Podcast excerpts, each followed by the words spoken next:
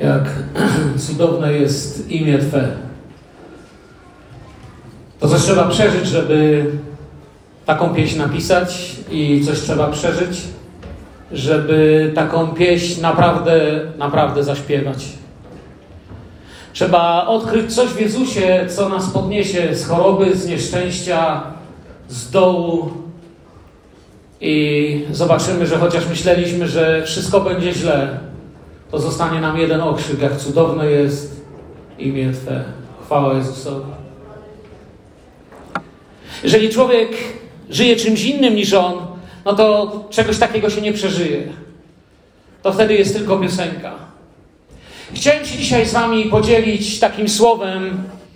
Wierzę, że jeśli chodzi o fragment z Biblii, który będę czytał, niesamowite słowo na czasy końca, na czasy chaosu i takiego pozornego zwycięstwa zła, jakie wydaje się jest tłaczane w umysły ludzi, jakie wydaje się, że dzisiaj próbuje się w wielu miejscach przedstawiać. Słowo pocieszenia dla Kościoła, nawet jeżeli przeżywasz jakiś osobisty koniec świata, jakieś osobiste załamanie tego, w co wierzyłeś, tego, gdzie byłeś, tego, jak się czujesz, kim jesteś i tak dalej. Wiecie, oczywiście tutaj w naszej rzeczywistości nie doświadczyliśmy próby aż do krwi, ale wiemy, czytając, y, czy to głos męczenników, czy głos tego prześladowanego kościoła i tak dalej, że dzisiaj kościół naprawdę idzie w ciężkich czasach. To kogoś, komuś spalili budynek, to gdzieś zamordowali chrześcijan, to jak widzicie trzęsienia ziemi, wirusy i tak dalej, ale to nie jest to, na co mamy zwracać uwagę. Jakbym chciał się podzielić z wami, wiecie, niektórymi mailami czy wiadomościami, które dostaję, to są ludzie, którzy się dziwią, że u nas w kościele nikt jeszcze nie naucza na temat COVID-u. A ja mówię, chwała Bogu. To nie jest miejsce o to, żeby tego nauczać. Ja chcę nauczać o czymś, co jest większe niż to wszystko.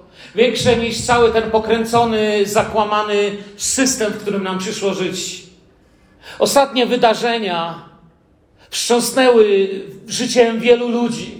W ostatnim roku żyjemy i czujemy, jakby wiele na świecie się zmieniło i różne teorie krążą. Znam ludzi, osobiście dwóch, których próbowałem pogodzić, wiecie, znienawidzili jeden drugiego, chociaż przyjaźnili się długo. Znienawidzili się, wiecie, przez co, bo jeden wierzy, że należy się zaszczepić, a drugi wierzy, że nie należy się szczepić. No i się nienawidzą chłopaki teraz. Jaki sens? Czasy, w których żyjemy, rozbiły wiele pokoju w niektórych ludziach, ich pewności. Jak mówię, wstrząsnęły tym, co robili, a co najgorsze, wstrząsnęły ich wiarą. I chciałem dzisiaj przejść w taki najbardziej hebrajski tekst, najbardziej hebrajską księgę Nowego Testamentu, bardziej hebrajską niż list do Hebrajczyków. Mam na myśli jej styl, jej symbolikę, sposób w jaki została podana. I zachowało się ponad 300 rękopisów tej księgi, a mianowicie mam na myśli objawienie, czy też jak wolicie, apokalipsę według świętego Jana. W Biblii mamy kilka ksiąg apokaliptycznych, czy z fragmentami takimi apokaliptycznymi. W Biblii mamy księgi, na przykład księga Ezechiela ma takie elementy, księga Izajasza, księga Zachariasza oraz oczywiście tak zwana apokalipsa Starego Testamentu, czyli księga Daniela. Apokalipsa według świętego Jana nie zawiera w ogóle żadnych bezpośrednich cytatów ze Starego Testamentu, ale w niezwykły sposób z niego czerpie, w niezwykły sposób buduje z niego. Pewnego razu Pan Jezus powiedział do swoich uczniów, obja- czy modląc się, przepraszam, powiedział o swoich uczniach, chciałem powiedzieć, objawiłem im Twoje imię, modląc się powiedział to, nadal będę objawiać, by miłość, którą mnie umiłowałeś, była w nich i ja w nich. I nadal Jezus chce siebie objawiać. Nadal objawienie Jezusa jest najważniejszym, co może podtrzymać i wzmocnić nasze życie. Otwórzcie Wasze Biblię albo przeczytajcie wspólnie ze mną z tekstu objawienia świętego Jana, pierwszy rozdział. Od pierwszego wersetu. Objawienie Jezusa Chrystusa, które dał mu Bóg aby ukazać sługom swoim to, co ma się stać wkrótce, to też wyjawił on za pośrednictwem zesłanego anioła swojego słudze swemu Janowi, który dał świadectwo Słowu Bożemu i zwiastowaniu Jezusa Chrystusa wszystkiemu, co w widzeniu oglądał. Błogosławiony ten, który czyta, i ci, którzy słuchają słów proroctwa i zachowują to, co w nim jest napisane. Czas bowiem jest bliski. Jan, do siedmiu zborów, które są w Azji, łaska wam i pokój od tego, który jest i który był i który ma przyjść, od siedmiu duchów, które są przed Jego tronem i od Jezusa, Chrystusa, który jest świadkiem wiernym, pierworodnym z umarłych, władcą nad królami ziemskimi. Jemu, który miłuje nas i który wyzwolił nas z grzechów naszych przez krew swoją i uczynił nas rodem królewskim, kapłanami Boga i Ojca swojego, niech będzie chwała i moc na wieki wieków. Amen. Oto przychodzi wśród obłoków i ujrzy go wszelkie oko, a także ci, którzy go przebili, i będą biadać nad nim wszystkie plemiona ziemi. Tak jest. Amen. Jam jest Alfa i Omega, początek i koniec, mówi Pan, Bóg, ten, który jest i który był i który ma przyjść, wszechmogący. Ja, Jan, brat wasz i uczestnik w ucisku i w królestwie i w cierpliwym wytrwaniu przy Jezusie, byłem na wyspie zwanej Patmos. Z powodu zwiastowania Słowa Bożego i świadczenia o Jezusie, w dzień pański popadłem w zachwycenie i usłyszałem za sobą głos potężny, jakby trąby, który mówił: To, co widzisz, zapisz w księdze i wyślij do siedmiu zborów, do Efezu i do Smyrny, i do Pergamonu, i do Tiatyry, i do Sardes, i do Filadelfii, i do Laodycei. I obróciłem się, aby zobaczyć, co to za głos, który mówił do mnie. A gdy się obróciłem, ujrzałem siedem złotych świeczników, a pośród tych świeczników kogoś podobnego do syna człowieczego, odzianego w szatę do stóp długą i przepasanego przez pierś złotym pasem. Głowa zaś jego i włosy były lśniące jak śnieżno-biała wełna, a oczy jego jak płomień ognisty, a nogi jego podobne do mosiądzów piecu rozżarzonego, głos zaś jego jakby szum wielu wód. Prawej dłoni swej trzymał siedem gwiazd, a z ust jego wychodził obosieczny ostry miecz, a oblicze jego jaśniało jak słońce w pełnym swoim blasku. To też gdy go ujrzałem, padłem do nóg jego, jakby umarły. On zaś położył na mnie swoją prawicę i rzekł: Nie lękaj się. Jam jest pierwszy i ostatni i żyjący. Byłem umarły, lecz oto żyję na wieki wieków i mam klucze śmierci i piekła. Napisz więc, co widziałeś i co jest i co się stanie potem. Co do tajemnicy siedmiu gwiazd, które widziałeś w prawej dłoni mojej i siedmiu złotych świeczników, siedem gwiazd to aniołowie siedmiu zborów, a siedem świeczników to siedem zborów. Przyjaciele, nie zajmę się dzisiaj szczegółową egzegezą, jakimś rozbiorem słowo po słowie tego fragmentu, dlatego że na pierwszym nabożeństwie powiedziałem, że gdybym to zrobił, to pierwsze nabożeństwo się o 15 skończyło, a wy byście przyszli na 16. I siedzielibyśmy pewnie do 8 albo do 10. Bo przeczytałem tak duży fragment Słowa Bożego. Bardziej chcę się dzisiaj zająć tym, co jak wierzę, jest przesłaniem Ducha Świętego dla Kościoła, dla naszego zboru. Wierzę, że dla mnie, wierzę, że dla Ciebie. To pierwszy rozdział Apokalipsy, czyli apokalipsa, czyli zaglądanie za to, co zasłonięte, czy przez to, co coś zasłania, za zasłonę. Apokalipsa oznacza odsłonięcie tego, co zasłonięte, z greckiego słowa apokalipsis. W języku angielskim na przykład my mamy z greki, oni mają z łaciny i po angielsku księga objawienia według świętego Jana nazywa się Revelation. To mają z łaciny od słowa revelatio. Velatio to znaczy welon, kotara, zasłona, revelatio, zaglądnięcie za, czy przesunięcie tego, co zasłania, tej zasłony. Objawienie to pochodzi od Boga. Dane nam jest od Boga, dane nam przez Jezusa. On jest tu jedynym pośrednikiem. I ta księga daje świadectwo Słowu Bożemu i naoczaniu Pana Jezusa. Wiecie, czasem ludzie mówią, no, ten początek tej e, apokalipsy to takie, chodźcie tam dalej, tam dalej, to się dopiero dzieje. Tam są te trąby, czasze, bestie, antychryści, fałszywy prorok i to wszystko. Tam się dzieje. Ten rozdział jest mniej ważny niż reszta. Nie. Ten rozdział nie jest mniej ważny niż reszta, daje nam właściwą perspektywę na wszystko. Dlatego, że miejsce tego, w jaki sposób widzimy, zależy od miejsca, w którym stoimy. Jeśli pierwszy rozdział przepuścimy i nieuważnie, i bez modlitwy go przeczytamy, ze złego miejsca zobaczymy całą resztę. Właściwie powiedziałbym nawet, że ten rozdział jest najważniejszy, bo nie wiedząc od kogo pochodzi objawienie, nie możemy się do niego odnieść, pojąć i stać we właściwym miejscu, aby patrzeć na to, co opisuje. U Jana tak już jest. I w Ewangelii, i również tam możecie zobaczyć w Ewangelii Jana, że pierwszy rozdział pokazuje, kto według niego jest najważniejszy. Co on mówi? Zanim przejdzie do całej historii życia Pana Jezusa w swojej Ewangelii, mówi tak: Na początku było co? Słowo.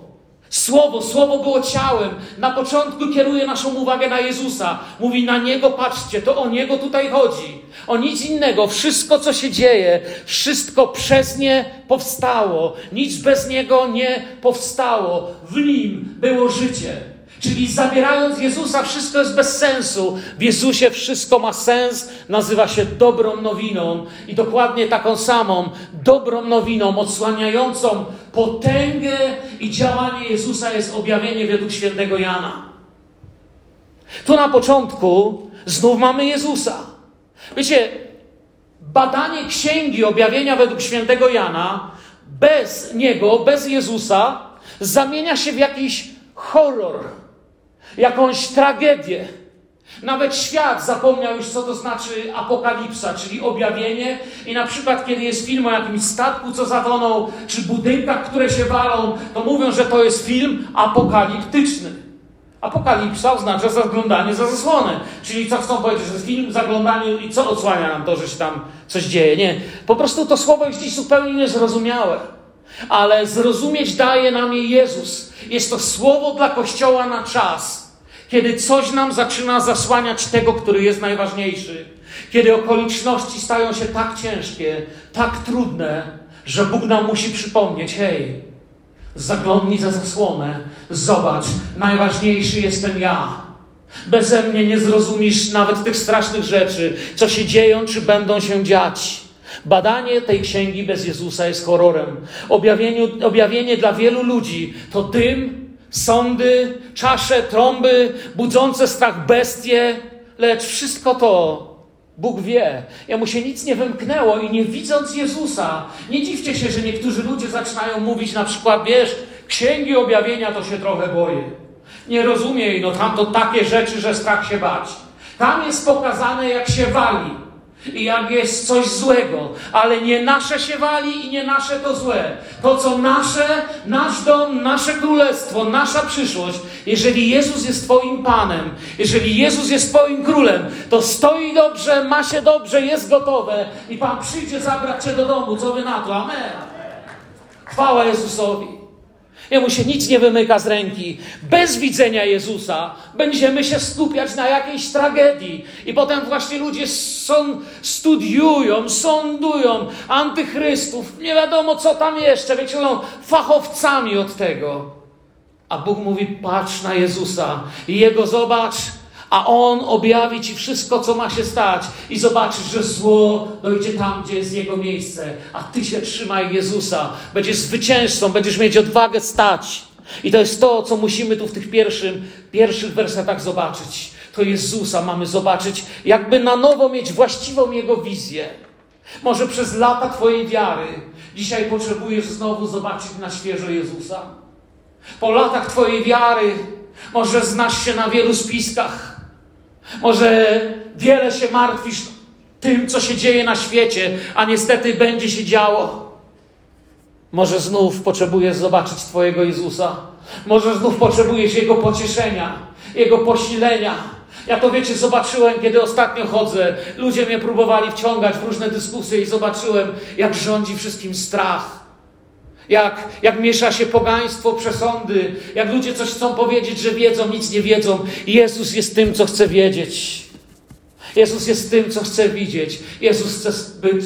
Jezus jest tym, co chce kochać i Jego sposobem chce na wszystko to patrzeć. Oto czasy, gdy tyle rzeczy przysłoniło Jezusa, Kościołowi potrzebne znowu objawienie. Widzieć Jezusa. To objawienie Jezusa, które dał mu Bóg. Jak zawsze. Poznajecie go? Nie mówi nic, czego nie wziąłby od Ojca, mówi Słowo Boże. On kiedy chodził po ziemi, mówił: Nie mówię niczego, czego nie wziąłbym od Ojca. Nie mówił niczego, co nie byłoby napisane. Mówił, kiedy coś działał, robił, to mówił albo mówię to, co wziąłem od Ojca, albo mówił, aby się wypełniło pismo, albo mówił, jak napisano. On zawsze trzymał się tego słowa i dzisiaj my się musimy go trzymać. Jak zawsze. Nic nie ma, czego by nie wziął od Ojca. Kto Jezusa widzi, Ojca widzi. Kto Jezusa słucha, słucha woli Bożej od Ojca i we właściwy sposób będzie prowadził swoje własne chrześcijańskie życie, własny dom, rodzinę, własny wasz pokój. Dał mu, byśmy wiedzieli, co oglądamy, byśmy wiedzieli, co nadchodzi, bo tyle się działo wtedy, tyle się dzieje dziś, że łatwo wiecie skupić się na czym innym. Słowo Boże, Jezus jest najważniejszy. Bóg chce, i wyraźnie to tam mamy napisane, byśmy Księgę Objawienia czytali na głos. Kto czyta i słucha. Czyli ktoś czyta, ktoś słucha. Ktoś czyta i słucha sam dla siebie. Kto czyta i słucha, jest błogosławiony, szczęśliwy, nie wystraszony. To nie jest księga, którą Bóg, tak wiecie, dał parę fajnych Ewangelii, listy apostolska, tu macie, żebyście się trochę bali. Nie, to jest księga, która mówi: Macie, abyście wiedzieli, kto jest zwycięzcą, abyście nie musieli drżeć, abyście nie musieli ulegać strachowi. Błogosławieństwo jest w czytaniu, słuchaniu i zachowaniu tego słowa, abyście wiedzieli, co jest ważne, byście nie dali się wciągnąć w walki na rzecz tego, co w ogóle nie jest ważne i nie ma znaczenia. Słowo w języku hebrajskim, słowo to dawar. Kiedy w języku hebrajskim mówi się słowo, to wiecie, u nich słowo ma sens tylko wtedy, kiedy wykonało swoją robotę, swoje dzieło, czyli kiedy zostało wysłuchane i posłusznie wykonało swoją pracę, czyli stało się. Słowo, które się nie stało, jest tylko dźwiękiem, nie jest słowem. Słowo Boże jest słowem, które wykonuje swoje dzieło, jest naprawdę słowem.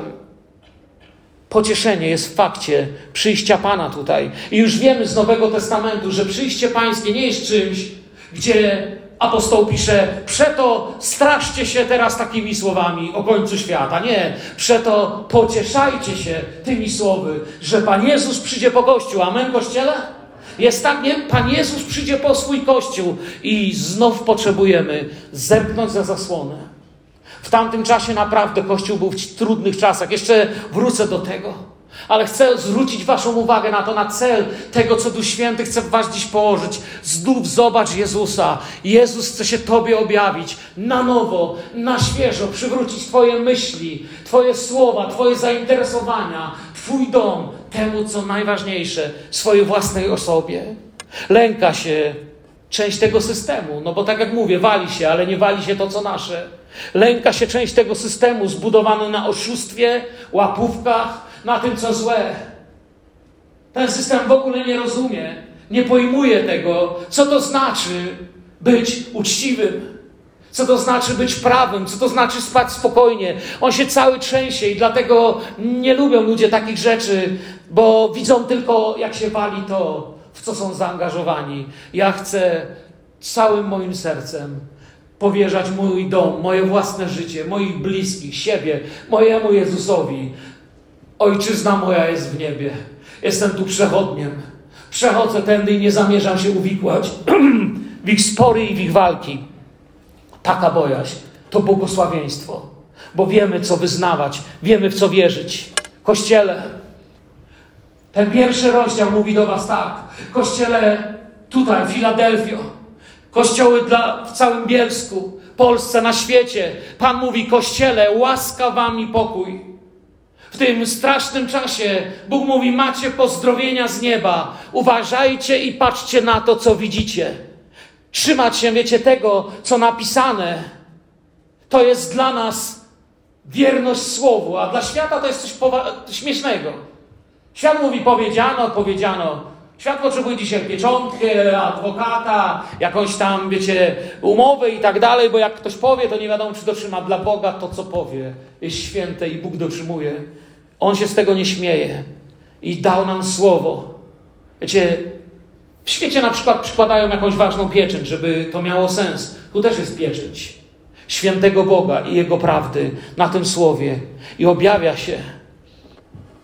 I przyjęcie tego lub nie. Wiecie, opowiem to tak, nie zmieni nic w Jego mocy. On nie zmieni się w swojej mocy, czy Ty to przyjmiesz, czy ja to przyjmę, czy nie. Mogę to odrzucić, mogę się zająć czymś innym. Pana Boga głowa nie będzie boleć. Ale jeżeli to przyjmę, zmieni wiele w moich słabościach. Nie będę się bał dyskutować, rozmawiać i mówić. I mówić ludziom, nie patrzcie na to, co niepotrzebne. Nie dzielcie się wzajemnie spiskami, nie dzielcie się strachem tego świata, nie dzielcie się lękami i objawieniami tego świata. Spójrzcie na Jezusa, Jego odsłania słowo. On się odsłania, On mówi, znów chcę być dla Ciebie najważniejszy. Tak jak byłem dawniej, tak chcę być dziś. Dzisiaj chcę być dla Ciebie najważniejszy, jak jeszcze nigdy w życiu. Jezus, mój Pan i zwycięstwa. Mamy całe dzieło zbawienia tutaj. W trzech wersetach skupione. W wersecie piątym, zobaczcie, jeśli macie Biblię otwarte, widzicie śmierć, zmartwychwstanie i nauczanie Jezusa. Jezusa Chrystusa, który jest świadkiem wiernym i przekazuje nam słowo od Ojca pierworodnym z umarłych, władcą nad królami ziemskimi, który miłuje nas, który wyzwolił nas z grzechów przez krew swoją. A więc mamy tu przyjście Jezusa, nauczanie Jezusa i śmierć Pana Jezusa i to, co uczynił dla nas przez Jego krew. Werset szósty mówi nam o życiu Kościoła, o tym, co przez to się stało, co uczynił.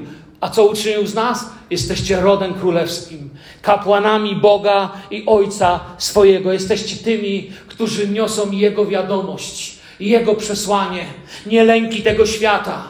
A potem uwielbianie, niech będzie chwała i moc i na wieki. Przechodzi do siódmego wersetu, i w tym uwielbianiu siódmy werset wchodzi powtórne przyjście Pańskie. Oto przychodzi wśród obłoków. Ujrzy go wszelkie oko, a także ci, którzy go przebili. Będą biadać nad nim wszystkie plemiona ziemi. On nie przyjdzie tym razem tak jak do Betlejem. Skromnie, w biedzie, że go będą prześladować i gonić. Przyjdzie jako król królów, pan panów. Oczywiście to przyjście ma pewien porządek, ale to nie jest dziś temat naszego nauczania. Ogólnie to, co chcę powiedzieć, król wraca pełni chwały. Król przyjdzie i warto być po stronie króla, warto uwielbiać naszego króla, warto kochać Jezusa.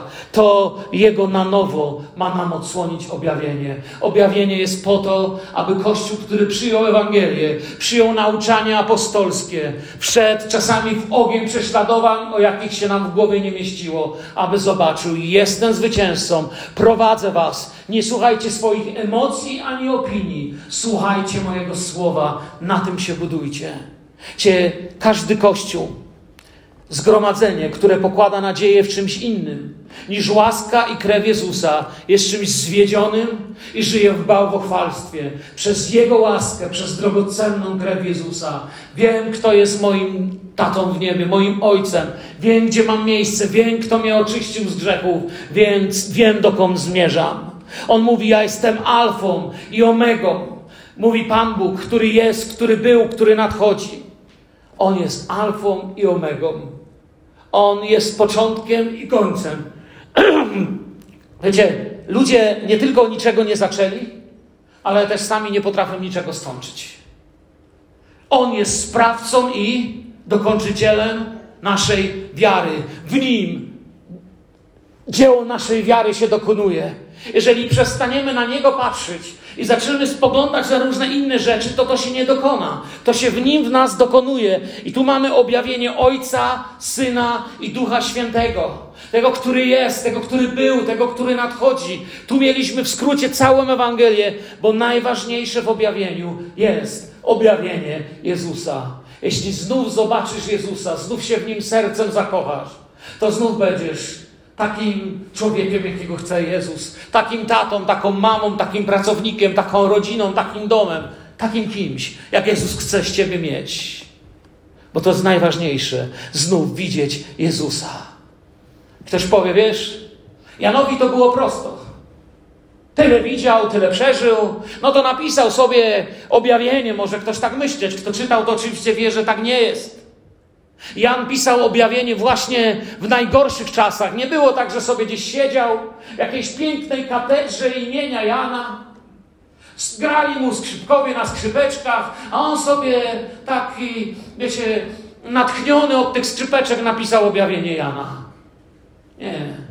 Objawienie Jana powstało w jednym z najtrudniejszych okresów historii Kościoła. I później, i w dzisiejszych dniach, w różnych miejscach, przez różne rzeczy kościoły idą. Wtedy naprawdę nie było prosto. Jan pisze tak: Ja, Jan, wasz brat, współuczestnik w ucisku, w królestwie i w cierpliwym trwaniu w Jezusie, byłem na wyspie zwanej Patmos ze względu na Słowo Boże i świadectwo o Jezusie. Jan jest na Patmos. Około 30 kilometrów od, od wybrzeża Azji Mniejszej i ponad 100 kilometrów od swojego ukochanego zboru w Efezie. Pracował tam przez 35 lat. Grubo ponad 35 lat.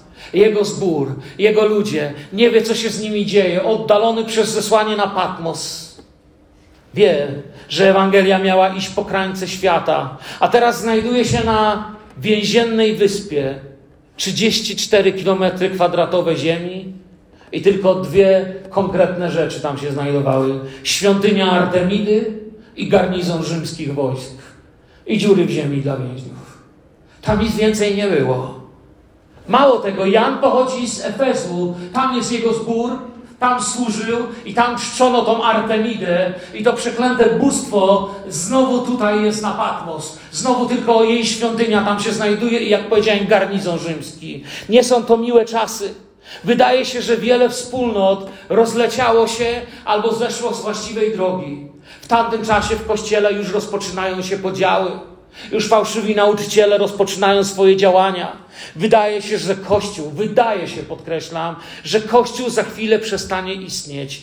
Ogień prześladowań sieje śmierć. Czasem wierzącym przychodzi żyć w czasach, gdy strach upomina się o tron życia.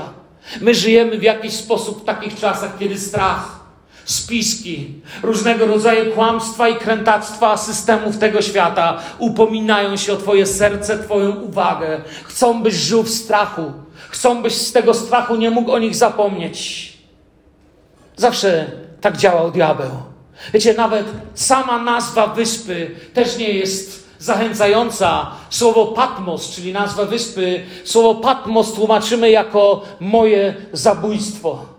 Czyli kiedy więźniowie w kajdanach wysiadali na wyspę Patmos, to wysiadali na miejsce, o którym mówiło się miejsce mojej śmierci, moje zabójstwo.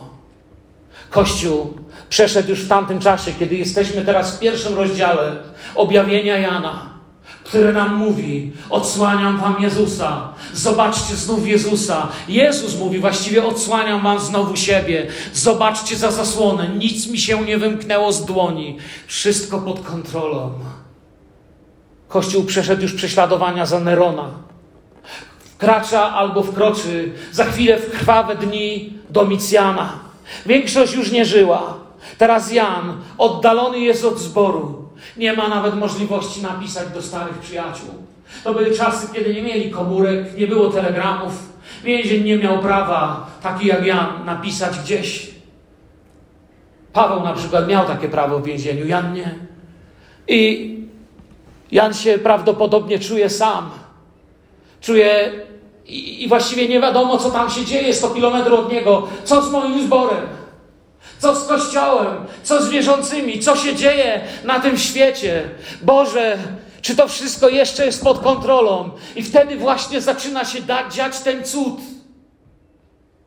Cud, kiedy Bóg zaczyna objawiać siebie i mówi: Zobacz, Janie, stoję, panuję, żyję, króluję. Nie bój się, odsłaniaj zasłonę. Ja, Jezus, jestem królem. Niech ci nic z tego nie zasłoni, ani jemu, ani tobie, ani mi, bracie i siostro. Jakiś czas temu. Jan w tej samotności trwa, bo wie, że jakiś czas temu został zabity Paweł. To jest gdzieś 66, 67 rok. Wcześniej, w 54 roku, ukrzyżowano Filipa. Mateusza około 60 roku zamordowano w czasie jednej z jego wędrówek misyjnych. W 64 roku zamordowany zostaje okrutnie apostoł Piotr. W 68 pobito na śmierć Marka. Starzy przyjaciele wykruszyli się. Co będzie dalej? I dlatego Jezus chce się objawiać. Musisz znów zobaczyć Jezusa. Dlatego, że być może i w Twoim życiu są takie miejsca, które skreślasz, że mówisz, tego nie ma, tamtego nie ma, to przeminęło, czasy już nie będą takie same. To i tamto się w moim życiu stało. Musisz znów zobaczyć Jezusa. Gdy popatrzymy na historię Kościoła tamtych czasów, Ina, Pinina, Rima, to uczniowie Andrzeja giną przywiązani do pali i zanurzeni w lodowatej rzece w Rumunii. Zabija ich kraj mróz. Starczyło się tylko wyprzeć Jezusa. Dionizy, Areopagita, ten, który nawraca się podczas służby Pawła, biskup Aten, dociera aż do Lutecji. Dzisiaj Lutecję nazywamy Paryżem. Po okrutnych torturach ginie ścięty mieczem. Antypas, o którym też Słowo Boże nam wspomina, zamordowany zostanie w Pergamonie, o którym później Jan też wspomni o tym zborze tam, gdzie tron szatana, powie objawienie Jana. Wiecie dlaczego tak mówi? Był tam, kiedyś o tym chyba mówiłem tutaj, byk Falarisa, tyrana i dyktatora sycylijskiego miasta Akragas.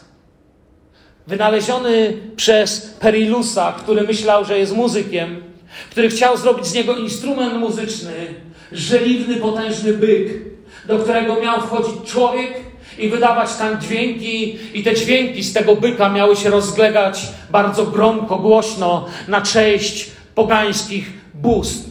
Ale niestety byk nie chciał działać, bo nikt nie krzyczał tak głośno, żeby to dobrze działało. I Perylius, stwórca byka, wpada na pomysł, by wrzucać tam skazańców i smażyć ich żywcem, a z krzyku skazańców uczynić pieśń pochwalną dla swoich bałwanów, dla swoich bogów. Falaris wykorzystuje to i nieszczęsnego twórcę tego byka pierwszego wkłada tam i podkłada ogień. Ten, który to wynalazł i który wpadł na ten pomysł, sam zaczyna smażyć się w środku. Na szczęście jego okrutny pan każe odsunąć ognisko, pozwala mu wyjść. Poparzony twórca wychodzi, uchodzi z życiem, chociaż poraniony.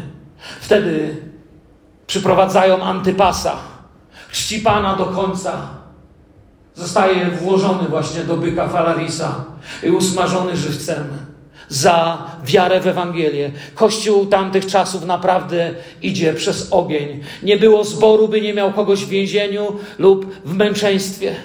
Mogłoby wydawać się, że Kościół w takich czasach może zapomnieć o planach, marzeniach i działaniu. Jak powiedziałem, mogłoby się wydawać. Ale właśnie dlatego Bóg mówi: Oto moje objawienie. Przez cokolwiek dzieci Boże idziecie, spójrzcie znów na Jezusa.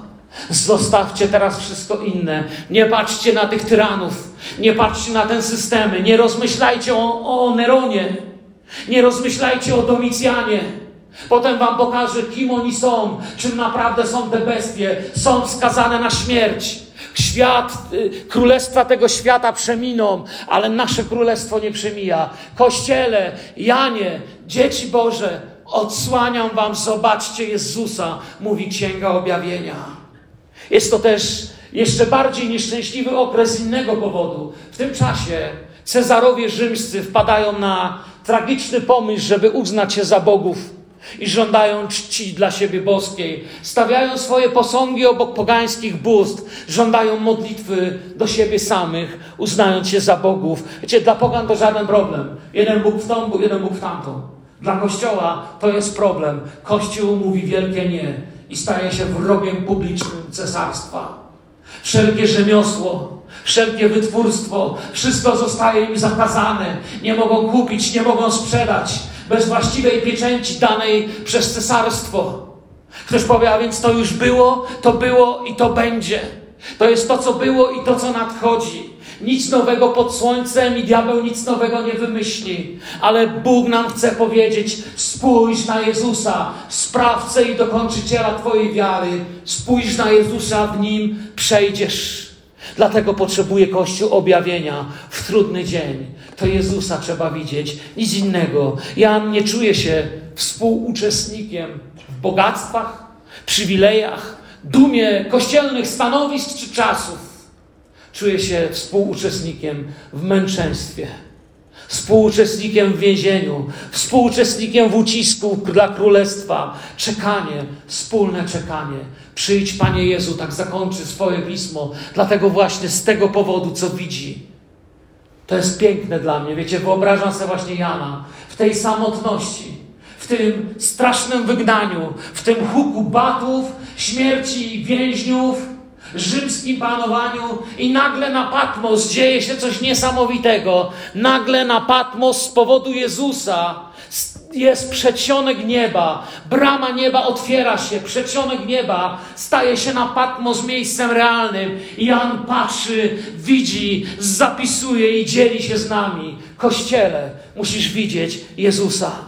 Nie zostanie z tym sam. Musi mieć to objawienie. Bóg go nie zawiódł, tak jak nie zawiódł nigdy mnie.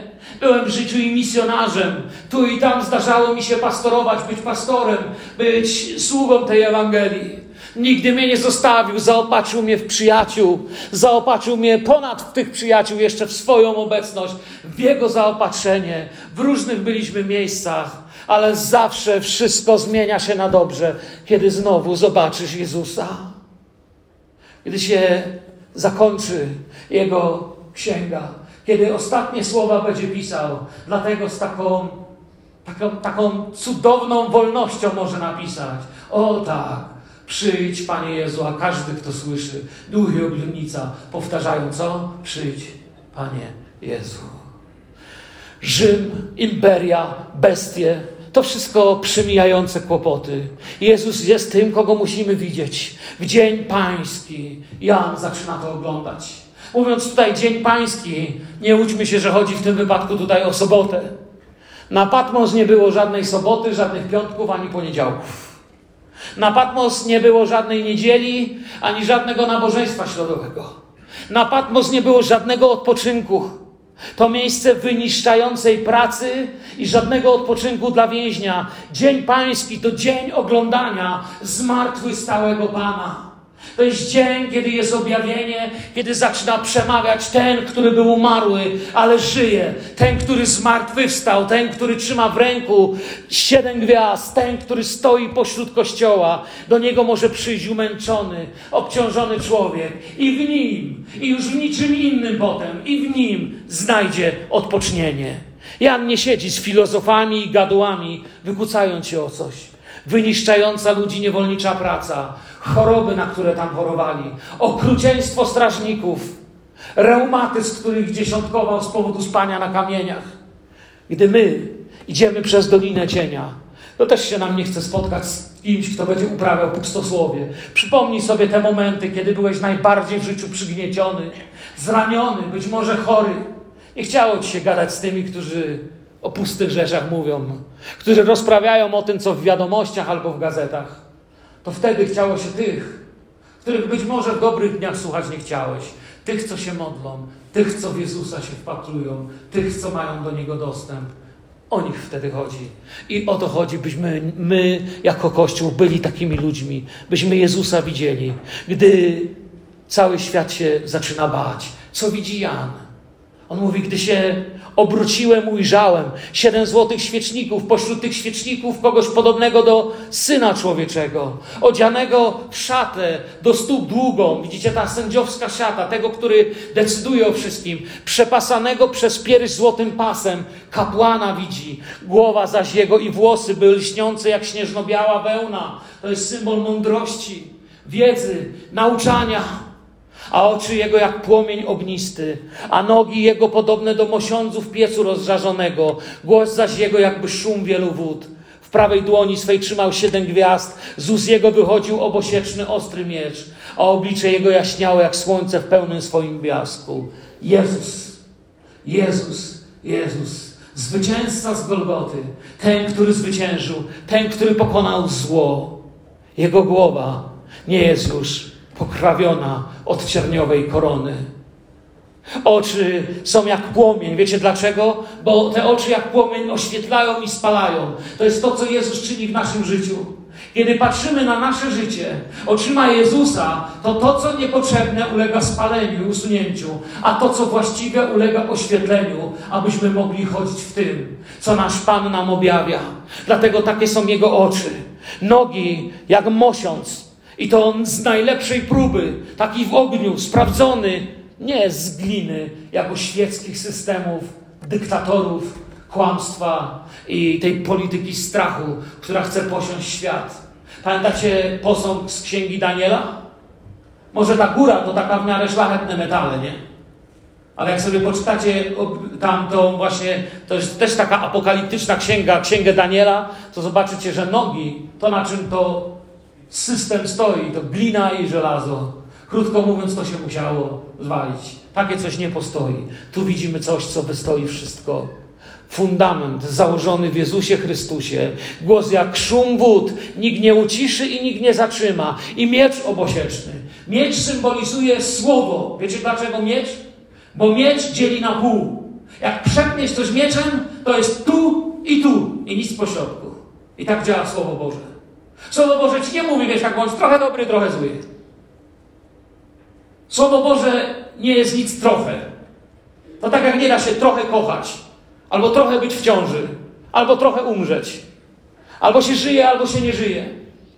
Słowo Boże mówi albo coś jest prawdą, albo kłamstwem. Miecz rozcina i nie zostawia nic pośrodku. Światłość to jest prawda. I wtedy jasno wszystko widać. Zaświecisz i widać. Jest ciemno, każdy może mówić, co widzi. W ciemności ludzie dyskutują, co widzą. W światłości wszystko oświetlone. I Jezus pośród kościoła Pośród świeczników, bez pośredników, Kościół i Jezus. Słowo samo nam wyjaśnia. On jest pośród swojego kościoła. Zobaczyłem go pośród świeczników, a wiemy, że świeczniki to kościoły. I tak go musimy dzisiaj zobaczyć. Zobacz Jezusa. Jezus nie opuścił kościoła. On jest pośród swojego kościoła. To dzień, w którym Bóg decyduje się działać. A Jan mówi tak: Gdy go zobaczyłem, padłem do jego stóp jak martwy. On natomiast położył na mnie swoją prawą rękę i powiedział: Nie bój się. I to jest najlepsze miejsce. Pamiętam kiedyś kazanie pastora Edwarda Lorka, gdzieś koło 90-91 rok. Użył takich słów, że kiedy życie rzucicie na kolana, to najlepsze miejsce, w jakim, czy najlepsza pozycja, w której mogłeś się znaleźć. I myślę, że o to tutaj chodzi. Jan pisze: Padłem jak martwy. I to jest najlepsze miejsce, gdzie się możesz znaleźć, żeby znów żyć dla Jezusa, znów go widzieć takim, jakim on jest. Jan. Jan przecież był tak blisko, Jan go znał. Jezus mu powierzył matkę. Jan przecież wiedział, ale tutaj padł jak martwy, ale Pan znów położył na niego rękę. Jesteś, Janie, w dobrym miejscu. Wstawaj, przyjacielu. Mnie musisz widzieć. Nie patrz na tych tyranów. Nie patrz na to, co się tu dzieje. To musi się stać, ale ja jestem królem królów. Ja żyję, mnie musisz widzieć. I wiecie, to jest też początek każdego przebudzenia. Gdybyście studiowali przebudzenia na świecie, to różne były warunki, że zaistniały tu czy tam, ale jeden był wspólny dla nich wszystkich. Przebudzenie przychodziło tam, do takiego życia, do takiego domu, do takiego zboru i do takiego miasta czy kraju, gdzie znów ktoś zobaczył Jezusa. Gdzie znów ktoś na nowo ujrzał Jezusa jak nigdy wcześniej. Objawienie nie ma na celu pokazać wszystkich świństw tego świata ale ma na celu pokazać potęgę świętego Boga. Musisz dziś zobaczyć, kim jest Jezus. Przestań się bać. Nie bój się. Możesz śmiało w pracy, w szkole, co prawda przez internet szkoły, śmiało pośród ludzi, pośród których jesteś, powiedzieć: Nie trzeba się bać, kiedy się widzi Jezusa. Bo jak Jego się nie widzi, to się widzi wszystkie te straszne rzeczy, ale kiedy Jego widzisz, nie musisz się nad tamtymi rzeczami zastanawiać. Musisz dziś zobaczyć Jezusa, zobaczyć, kim jest Jezus. Wtedy przestaniemy się bać i staniemy w postawie pokory przed Bogiem. Panie, wobec Twojej wspaniałości niech wszystko umiera. Niech wszystko, co mi niepotrzebne, przemija. Nie zależy mi, chcę Ciebie. Padłem, padłem jak martwy. Właściwe miejsce. Zbyt wiele, zbyt często żyliśmy dla siebie, naszych poglądów, spisków, opinii, w których po prostu wszystko było, tylko nie Jezus. Żyje nie ja, bo żyje we mnie Chrystus, mówi Paweł. I dlatego śmiało poszedł na kaźń, nie bojąc się. Historia kaźni śmierci apostoła Pawła mówi, że nawet powiedział, że oczu mu nie trzeba zawiązywać. Rzymianie z samego szacunku chcieli mu oczy przed ścięciem zawiązać. Tego oczywiście nie mamy w dziejach, jest to podanie Kościoła przekazywane. I apostoł Paweł odpowiedział wtedy: Nie trzeba mi oczu zasłaniać. Żołnierze się dziwili, dlaczego? Nie boisz się? A Paweł ze współczuciem spojrzał na legionistów rzymskich i mówi: Biedaku, ty musisz tu dalej zostać i żyć. A zanim pierwsza kropla krwi wsiąknie w piach tej rzymskiej ziemi, ja już będę z tym, którego całe życie kochałem, z moim Panem. To jest ta realność. Jezusa widzieć. Jezusa widzieć. Żyje nie ja, On żyje. To, wiecie, wielkie pragnienie. Niech wprowadzi nas też w ten post i modlitwę, która się zbliża. Trzeciego i dziesiątego będę w dwie środy robił wstęp do tego postu. Przyjdźcie, spędźcie czas, nie bójcie się pościć ze zborem. Dacie rady, możecie. Zobaczcie, jeśli taki chłop jak ja może, to ty też możesz. Dacie rady. Przejdziemy przepiękny czas modlitwy, tak jak dwa lata temu. Mam nadzieję, że uda nam się to zrobić i że będzie to wspaniały, wspaniały czas przybliżenia się do Boga. Jezusa widzieć, niech to pragnienie Cię wprowadzi w post. Panie, chcę wiedzieć, jaka jest Twoja wola. Chcę wiedzieć, gdzie jest miejsce mojego prac, mojej pracy, mojego życia, mojego istnienia, mojego mówienia, mojego bycia dla Ciebie. Panie Jezu, na tej ziemi. Przyjdź, Panie Jezu. Chcę Cię mocno, mocno widzieć. Chcę iść za Tobą. Gdy Paweł pisze, nic mnie nie odłączy od miłości Chrystusowej, wymienia też wszystko to, co mogłoby chcieć go odłączyć. I właśnie to wszystko tracili święci. O, gdybyście poczytali o świętych pierwszego kościoła, o ludziach z prześladowanych krajów. Tracili swoje domy, tracili swoje żony, tracili swoje rzeczy, wolność, a na koniec często zdarto z nich nawet ich własne ubranie i wyprowadzono ich na kaś, na kolosea, na miejsca śmierci, kaźni i męczeństwa. I tylko jedno widzieli: Jezusa, tak jak Szczepan po prawicy Ojca, pośród kościoła, tak jak na Patmos widzi go Jan, który jeszcze długo jeszcze przeżyje po tym Patmos. Ale od tej pory Kościół nie musi pytać, gdzie był Bóg, gdy działy się i dzieją, czy będą działy straszne rzeczy. Potrzebujemy objawienia Jezusa. To, co się dzieje, system tego świata, te rzeczy, które głośne są teraz, to wszystko pójdzie dalej. Nowe będą dyskusje, nowe strachy, nowe lęki. Jeszcze bardziej będzie zaciskać się strach. Będzie taki, że niektórzy mdleć będą z tego strachu. Dojdą nowe uciski i problemy. Ty i ja musimy zobaczyć Jezusa. Nie zajmuj się studiowaniem diabelskich kłamstw. Nie zajmuj się studiowaniem spisków, bo to cię skłóci z przyjaciółmi i rodziną. To jest to, czego ja się nauczyłem. Studiowanie Jezusa rzuci na kolana ciebie, twoi współmałżonka twojego, twój dom, twoje dzieci, rzuci cię do wybaczania, wyznawania, modlitwy, błogosławieństwa i chwały. Jeśli wierzysz, że koniec jest bliski i chcesz tak jak Jan móc powiedzieć, przyjdź Panie Jezu, to musisz dziś zobaczyć zwycięskiego Jezusa, wyznać swoje grzechy, stawić się przed Nim, powiedzieć: Zabierz, co, co Ci się nie podoba. Chcę iść za Tobą, to jest moje pragnienie i nie dam się już nic innego wplątywać. On opowiada, jaki będzie koniec. Ja widzę w tym, co opowiada, zwycięstwo jest Jego. On jest żyjący. Mówi, byłem umarły, lecz oto żyję na wieki wieków. Mam klucze śmierci i Hadesu. Słyszysz? żyjący. Spotkanie z Jezusem nie jest spotkaniem z dawną tradycją. To spotkanie z kimś, kto ma klucz do problemów świata, ma życie i ma wieczność. Na koniec.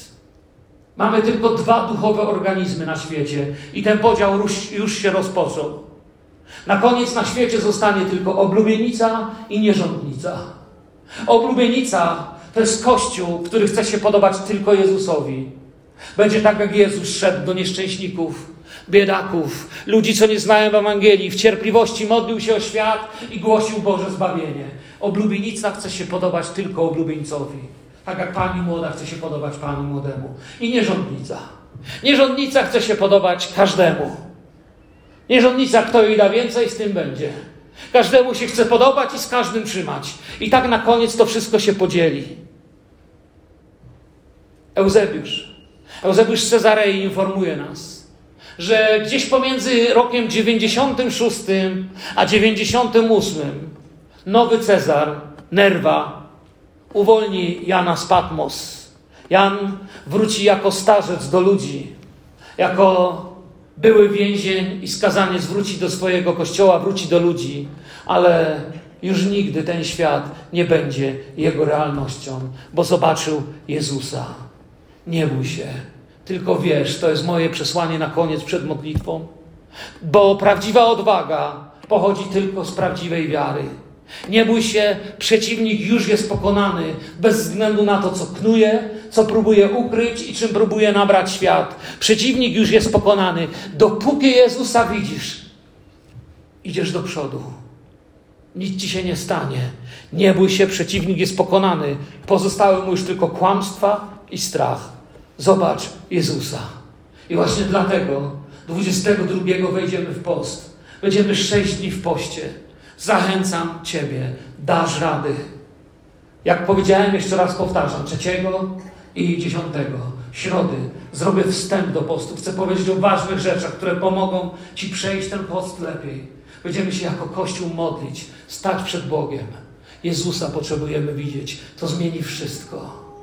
Jeżeli dzisiaj tutaj jesteś na tym miejscu i czujesz, że Twoje życie opanowało zniechęcenie, strach, że za bardzo zajęły Cię te wszystkie sprawy, które dzieją się wokół, że zacząłeś za bardzo studiować to, co mówi świat, a ostatnio za mało studiujesz to, co mówi Jezus. Chcemy się modlić teraz, by Cię Pan podniósł, zachęcił. Jeżeli są tu osoby, które chcą dziś powiedzieć, potrzebuję modlitwy, potrzebuję odświeżenia i nowego spotkania z Jezusem, podnieś swoją rękę teraz. A reszta kościoła, zobaczcie, kto podniesie rękę i będziemy się o to osoby modlić. Nie będę was wołał do przodu. Chcę się o was pomodlić, tak jak we wczesnym kościele. Podnieście po prostu rękę. Jest ktoś, kto potrzebuje takiej modlitwy? Inni obejrzyjcie się, zobaczcie. Ludzie trzymają ręce w górze. Wiecie dlaczego? Bo wierzą, że przyszli na miejsce modlitwy. Amen? Zawiodą się czy nie? Przyszli na miejsce modlitwy. Podnieście jeszcze raz wasze ręce, kto podniósł. Zobaczcie, kościele, to są ludzie, którzy mówią: Potrzebuję modlitwy. Pomódź się o mnie, kościele. Powstańmy do modlitwy. I zakończymy za chwilę nabożeństwo pieśnią, ale zanim zaśpiewamy tą pieśń, z całego serca pomódlmy się teraz o tych, co podnieśli swoje dłonie. Ojcze, który w niebie jesteś, przynosimy Ci dziś w imieniu Jezusa. Tych, którzy podnieśli swe ręce i na swój sposób wołają dziś: Jezusa chcę widzieć. Jezusa chcę widzieć na nowo, na świeżo, jeszcze mocniej, jak nigdy. Panie, podnosimy nasze dłonie w prośbie o modlitwę, dlatego że tak bardzo potrzebujemy pośród tych wszystkich kłamstw, chaosu, strachu i niepewności, pośród tego, przez co idą nasze domy i nasze rodziny, Ciebie widzieć, Zbawicielu, Ciebie uwielbiać dzisiaj. Panie, prosimy Ciebie, dotknij się dzisiaj wszystkich tych, którzy trwają teraz w tej postawie oczekiwania. Ty cudownie przychodzisz i uzdrawiasz, przemieniasz. Przemawiaj, Panie, proszę Cię o tych, którzy gdzieś zaniedbali Twoje słowo i za wiele się nasłuchali z tego świata. Proszę Cię o tych, którzy gdzieś się pogubili. Proszę Cię o tych, którzy czują, że chcą jeszcze mocniej, że chcą być powołani, chcą pójść do przodu. Panie, ukazuj nam, co widzisz, co zostawić, jak pójść dalej. O cudowny nasz Zbawicielu.